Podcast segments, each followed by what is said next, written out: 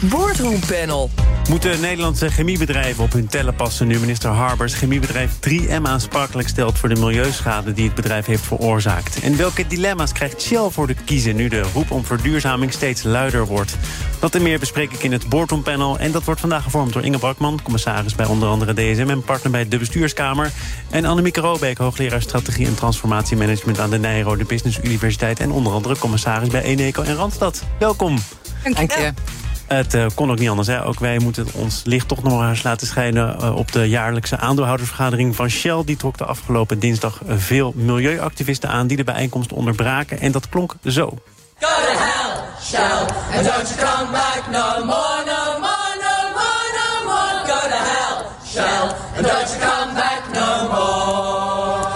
duidelijk op geoefend, uh, als ik het zo hoor, Inge.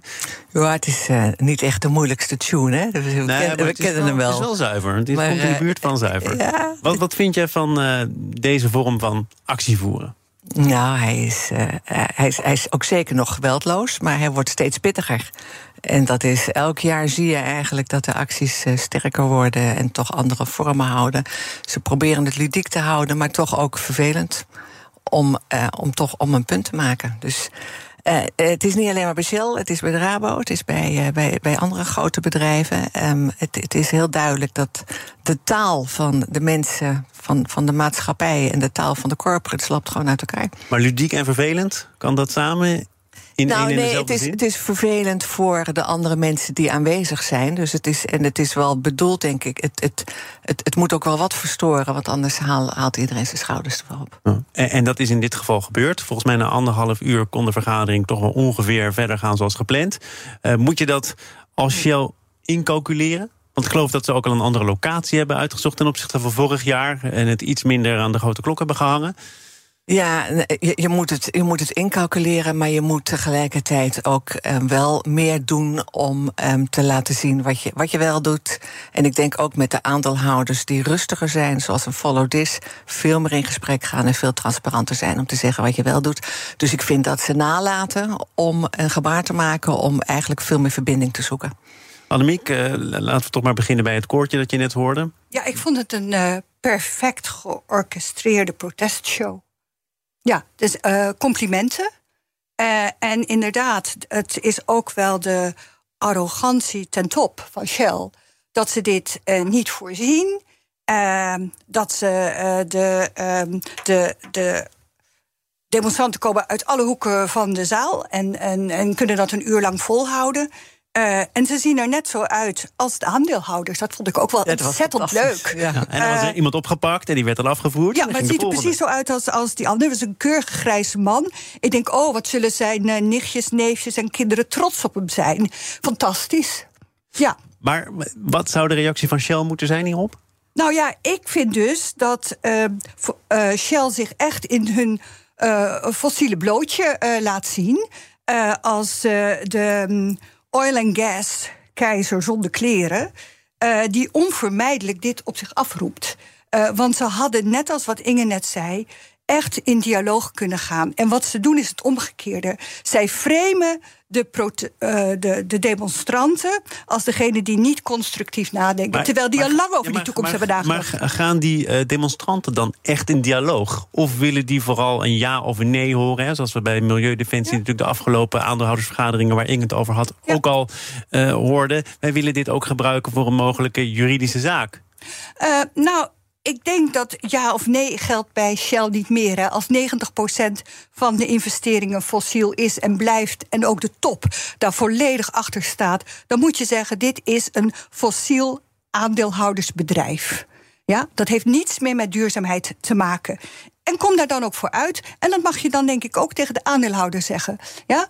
Uh, van u investeert dus in de ondergang van de planeet. En hier staan wel de redders.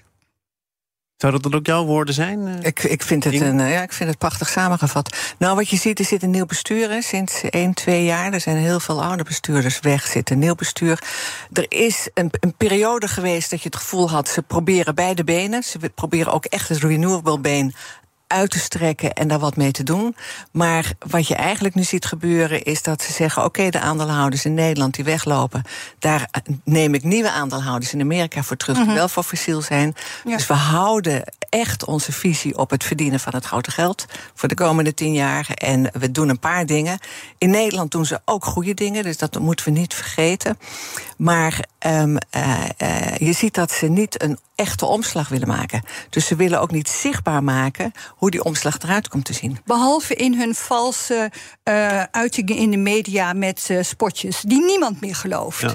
Ja. en, en ik denk juist, eh, jij zegt dat ze in Nederland nog eh, heel veel goeds doen. Ja, een Maar je bedrijf. bent ook overigens voor de goede orde, misschien is het toch goed om te zeggen, Ja. ook commissaris geweest eh, voor Shell in Nederland, toch? Zeker, Oh, ja. sorry, I didn't Nee. know. No, no problem, no, not at all. Nee, en ik wil, ik, dat vond ik juist ook het leuke om van binnenuit eh, te, te kijken wat er Ja. allemaal en renewals gedaan worden. En ook denken van binnenuit kun je de transformatie meemaken.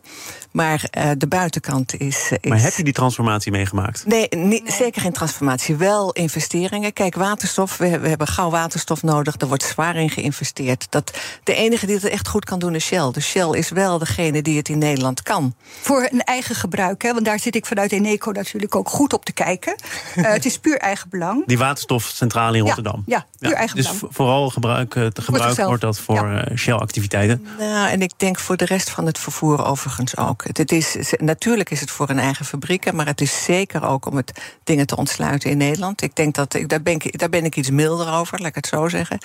En ehm, ik heb toch ook heel veel andere plannen meegemaakt van, eh, van Shell. Wat ze nekt is volgens mij ehm, de, de eh, enorme wensen die ze zelf hebben ten aanzien van dividend, wat ze uit willen keren. Ze houden geen geld over om echt goed te investeren.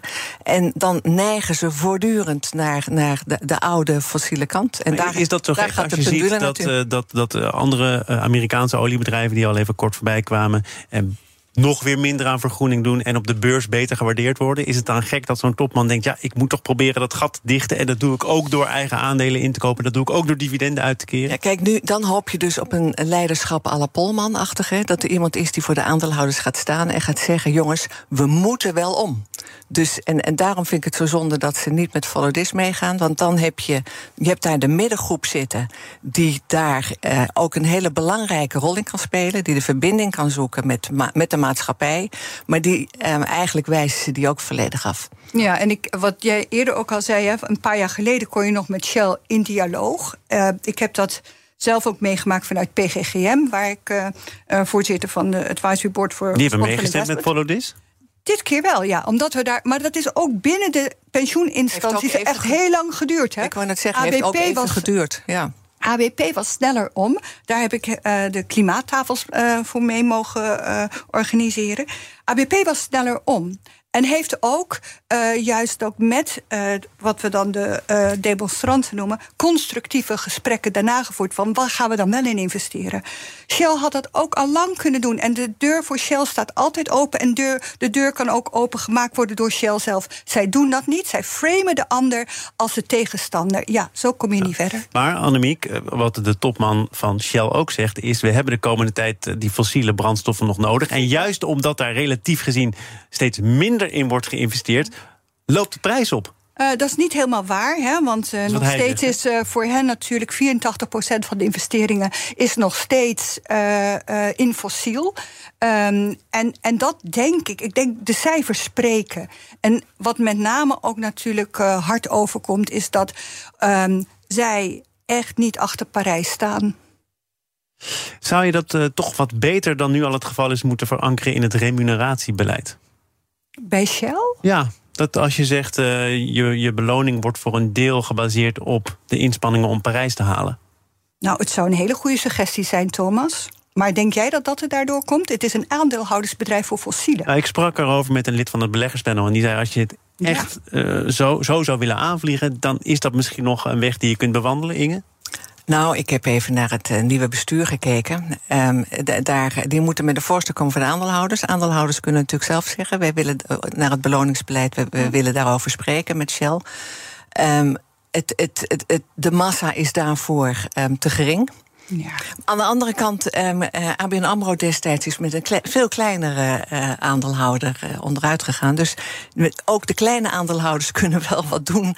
Maar de tegenkrachten zijn zo verschrikkelijk groot. Maar natuurlijk moet het in elke KPI van elke ondernemer op dit moment zitten. Ja. Het hoort in het beloningsbeleid van alle grote, nou ja, van eigenlijk van alle bestuurders. Het moet erin. Maar eh, mind you, hè, ook hier de cijfers eh, spreken. De vertraging naar vergroening spekt de Shell-kas. Eh, en ik denk dat dat een, een reden te meer is om het niet te doen. Maar toch denk ik dat wat, de, eh, wat het protest uitlokt, is dat Shell in een nog ehm, grijzer, gitzwart daglicht wordt gesteld. Eh, met Parijs als een haast onneembaar traject met de mensen die er nu zitten. En dat moet toch wel afschrikwekkend zijn, ook voor die investeerders die wel het goede met de aarde voort hebben. We gaan naar andere bedrijven die eh, op Ja. dit thema toch een rol te vervullen hebben. BNR Nieuwsradio. Zaken doen. Thomas van Zeil. Inge Brakman en Annemieke Robeek zijn de leden van het boardroom panel. De staat stelt chemiebedrijf 3M aansprakelijk voor vervuiling van de Westerschelde. Dat heeft de landsadvocaat dinsdag in een brief laten weten aan 3M. Jarenlang loodste dat chemiebedrijf de giftige stof PFAS in de Schelde. Inge, hoe zou dit eh, besluit van in principe dus minister Harbers... die verantwoordelijk is eh, in de boardroom van 3M zijn ontvangen? Nou, het leek wel alsof ze er al op voorbereid waren. Ze hebben natuurlijk al een oefening gedaan met de, met de Belgische, met de Vlaamse overheid en de Belgische overheid. En eh, eh, ik denk dat ze, dat, dat ze wel ehm, dat ze zich al een beetje gewapend hebben. Zeiden gelijk, hij is, hij is welkom. Dus dat voelt als ehm, eh, wat, is de, wat is de check en hoeveel heb je nodig? Ja, want, want in de, Belgische oefening betekent we gaan schrikken. Schrikken, zo is dat. Er is geschikt voor een paar honderd miljoen. En nou, er is ook door de bewoners zelf, want dat kon niet via de Belgische staat, de, de, de vrederechter, prachtig woord overigens, die heeft de omwonenden ehm, voor het eerst een, een hele lichte schadevergoeding toegekend. En eh, nou ja, dit zie je ook, dat dat ehm, eh, vanuit de Nederlandse staat kan er eigenlijk alleen op de, de schade van de, van de ondernemers kan eh, verhaald worden, maar de schade voor de gezondheid van de mensen nog niet. Dus dat is nog weer een ander punt. Die zullen zichzelf weer moeten En die schade is dus eigenlijk, en daarom ook die Belgische schikking... te herleiden tot een fabriek die in Vlaanderen staat, hè? Ja, maar dat, dat gebeurt natuurlijk wel vaker. Dat, dat die, die fabrieken over elkaars grond gaan. We hebben natuurlijk ook fabrieken in Nederland, maar daar komen we denk ik zo wel op. Ook interessant om te kijken wat de Nederlandse staat dan daartegen doet. Grote vraag is ook, ze hebben natuurlijk meer geloosd dan mocht volgens de vergunning. Maar je ziet dat het hele vergunningsstelsel, zowel in België als in Nederland, achter de maatschappelijke ontwikkelingen aanlopen. Er wordt te ruime vergunningen afgegeven, waardoor er te veel uitstoot is. Dan is er ergens nog wat kapot of niet, of er is wat lek, zoals, zoals bij Tata. Gaan ze over de vergunningen heen. Dan heb je een toezichthouder nodig die ze daarop wijst. Maar al met al zie je eigenlijk bij al deze zaken, en die hebben we ook in Nederland, dat er te veel rotzooi wordt uitgestoten. Minister Harbers was gisteren te gast in eh, BNR's Big Five en hij zei het volgende. Ik sluit geen van allen uit. En we doen dat gewoon precisie waar het nodig is. Ehm, eh, ja, maar we weten, we weten natuurlijk ook steeds meer van stoffen. Hè. Bijvoorbeeld zo'n PFAS. De laatste 10, 15 jaar weten we er alles van. De lozingen begonnen al in de jaren 60... toen iedereen dacht, dit is een wondergoedje. Eh, dus wat kan het voor kwaad? Nou ja, dat weten we inmiddels. Het was een wondergoedje, hè, want eh, het is waterafstotend. Het zit overal in. Maar sommige wonderen zijn te mooi om waar te zijn. Minister Harbers zegt dus, we sluiten niks of niemand uit. Dat betekent dat het verhaal niet per se afgelopen is bij 3M. Nee, daarom is het ook, ehm, ook al komt het vrij laat. Hè, want in 2025 krijgen we al andere eh, wetgeving. En Europa staat al lang klaar eh, daarmee. Eh, maar liever later nooit. Eh, ik denk dat dit wel een kantelpunt is, Thomas. Want ehm, dit is eigenlijk dat eh, we nu veel beter, eh, ook vanuit de politiek, in verweer kunnen komen tegen de chemische industrie die kwalijke stoffen loost of uitstoot. En dat is natuurlijk goed nieuws voor de volksgezondheid. Het is nieuws om een beetje bang van te worden als je eh, Tata of Gemoer bent. Gezondheidsschade is overigens dus niet waar. Nee, maar dat, is waar, aansprakelijk maar dat is waar de publieke opinie als eerste op gaat. En dat is natuurlijk ook werkgelegenheid, no importance anymore. Het gaat om volksgezondheid. Is dat zo? Ik moest namelijk denken aan een interview dat ik las met twee bestuurders van chemiebedrijf Gemoer. afgelopen maand of twee maanden geleden in het Oh, FD. vreselijk interview, ja. Nou, goed dat we precies weten waar het over gaat. Maar Zeker. dat waren twee bestuurders. Eentje was zelfs komen overvliegen om een rondje langs de media Zeker. te doen. Aangezien er een PFAS-verbod komt in Ja. Europa, 2025. Je zei het al. Ja. En eh, een van de eh, aannames in dat interview was... nou, als dat doorgaat, succes ermee Europa... dan kunnen heel veel dingen niet meer. Chips, auto-industrie. Maar dan sluiten wij ook de fabriek hier in Dordrecht. Is helemaal niet erg. Dat zou een hele goede oplossing zijn. Want eh, de Drechtsteden zitten natuurlijk al heel erg lang met dat bedrijf in de maag. Ehm, en wij als publiek zouden kunnen beginnen om geen tevalpannen meer te kopen. Ja en amen of niet? Ja, redelijk. Nou, het, wat, wat natuurlijk wel boeit is... eh, ja, we hebben geen moers, we hebben Tata. Ehm wij hebben eh, datgene wat we aan industrie hebben in Nederland... en eigen productie hebben... heeft natuurlijk ook zo zijn, ehm, zijn vervuilende kant. Ons land is langzamerhand misschien... eh, dat is, klinkt ook een beetje raar... met, met, met te, vol bevolkt, bevolkt of, of, of te klein om dat te kunnen hebben. Maar je moet het ook niet naar China willen eh, eh, transporteren. Want daar, die, die, die, die ehm, eh, vervuiling die moet je ook niet weer naar het buitenland gaan brengen. Wij moeten zo grondig herzien hoe wij met onze grondstoffen omgaan. Dat is natuurlijk dat is, dat is veel ingewikkelder. En ik denk ook dat eigenlijk alle ehm ehm, vuil uitstotende bedrijven ja, als, als een dolle toch zelf moeten zorgen dat ze veel meer binnen de normen blijven. Maar en zeg je, Annemiek, nou, dat, dat werkgelegenheid hè, toch vaak gebruikt als het argument om aan Ja, bepaalde is industrieën vast te houden, dat dat er niet meer toe doet? Nou, dat is, dat is veel minder van, van Veel doorslaggevend belang. Dat is echt zo. Omdat mensen ook via social media veel beter geïnformeerd worden wat het betekent voor gezondheid. Gezondheid staat bovenaan. En we zitten overigens in een situatie waarin de werkloosheid natuurlijk niet zo hoog is. Dat scheelt natuurlijk ook. Hè? We zitten in een hele andere tijd op dit moment. Nee, dus een kosten-batenanalyse eh, voor dit soort bedrijven... die misschien nog in de jaren 50 en 60 eh, met name naar de werkgelegenheid gingen... slaat nu de helemaal de andere kant door. Plus dat ehm, het eh, vooral procesbedrijven zijn. Hè. Dus het is eh, eh, veel eh, stoffen erin, veel rommel eruit... en nauwelijks Ja, maar jij zegt, dan moeten we wel stoppen met het kopen van tevelpannen. Als Ja, die vraag zeker. toch aanhoudend blijft, dan halen we onze tevelpannen ergens anders vandaan. Ja, toch? nou ja, ik denk dat dat consumenten ook nog best wel... eh, eh, als je hoort van, nou, je moet niet meer die en die regenjassen... en je moet niet meer die en die tevelpannen en dat, dat, dat, dat, dat. Werkt absoluut. Werkt. Ja. We gaan naar iemand die eh, misschien binnenkort helemaal niet meer werkt. Namelijk Gerard Sandering. Zijn jullie klaar voor een nieuwe portie of niet? Ah. Het ging gisteren... Oh ja, medelijden, Annemiek?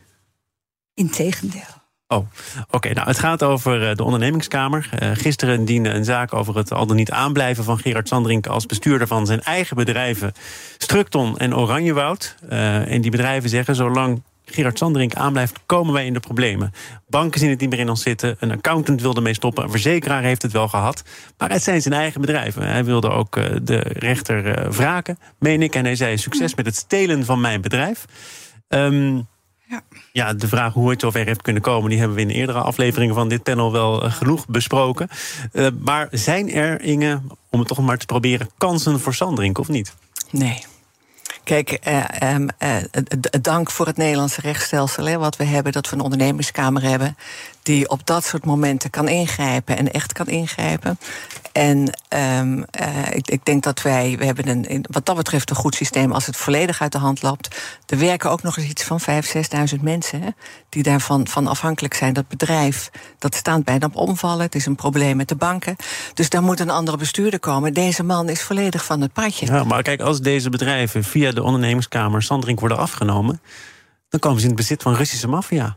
Ja, dat is zijn probleem inderdaad. Althans, dat is wat hij zegt. Het is een geweldige complottheorie. Er is geen advocaat meer die hem wil verdedigen. Ik begrijp dus ook dat de ondernemerskamer extra tijd neemt... om goed zijn vonnis op papier te zetten. Juist omdat hij eigenlijk niet verdedigd is door een advocaat. Hij liep weg inderdaad. Hè, dus hij, Hij liep eh, weg, en de maar hij had ook geen verdediging Nee, nee, meegenomen. nee, nee. Dus dan, dan, en dan moet je als rechter, normaal gesproken krijg je beide kanten. Je krijgt enerzijds, anderzijds voorgeschoteld. En daar maak je dan de besluit in. Maar nu krijg je alleen maar enerzijds. Dus nu moet de rechter zelf aan de slag om anderzijds ook eventjes op papier te zetten. En dan de afweging. Hij maakt geen kans. Nee, dat Annemiek, eh, bij jou geen spoortje meeleiden. Ik sprak er gisteren over met een collega van het FD... die deze zaak al jaren volgt. Ja. En zei, het is al met al, misschien medelijden niet het goede woord, wel heel pijnlijk dat iemand die zo'n imperium opbouwt Zeker. en het allemaal keurig op de rit had, zo diep kan vallen. Ja, maar dat is wel aan hemzelf eh, te wijten. Hè? Eh, dus iemand kan een geweldige ondernemer eh, geweest zijn, maar hij is een gevaar wat verder gaat dan hemzelf. En dat vind ik waarin eh, de rechters of de, de beoordeling vanuit de ondernemingskamer heel erg rekening mee moet houden. Eh, Inge zei net al de werknemers die daar werken. Maar ook toch ook wel eh, voor een deel eh, kritieke infrastructuur, zowel op IT als op mobiliteit, die in die bedrijven zit. Ehm, en ik denk dat een man van 74 die het zo bond gemaakt heeft, dat die ook een keer uit zijn eigen bedrijf gezet kan worden.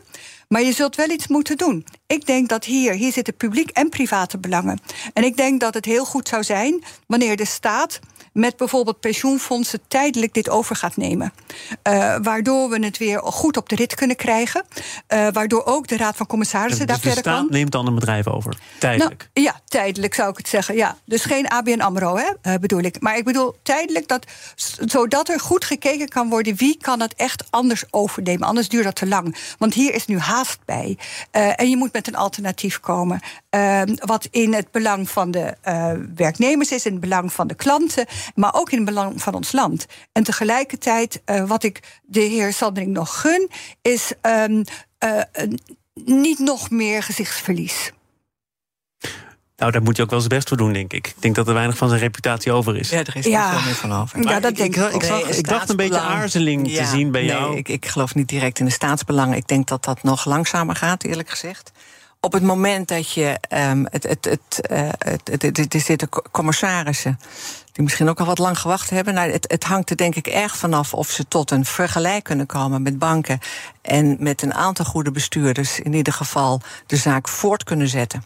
En daar zal, een, een, daar, daar, daar zal een inschatting van gemaakt moeten worden. Ik vind dat de staat moet gaan nationaliseren. Dan, ehm, dan, ben je heel, dan, dan moet duidelijk zijn dat het bedrijf totaal niet te redden is.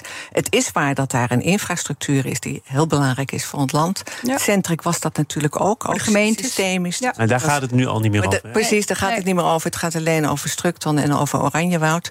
Dus ik zou zeggen, laat ehm, de, de private kant ehm, eerst kijken hoe ze het gaan oplossen. Ik weet niet of het zo wanhopig is dat ze dat niet voor elkaar krijgen. Die indruk heb ik zelf niet. Maar er is bijna geen tijd meer. En dat is denk ik, als ik eh, daar eh, commissaris ben.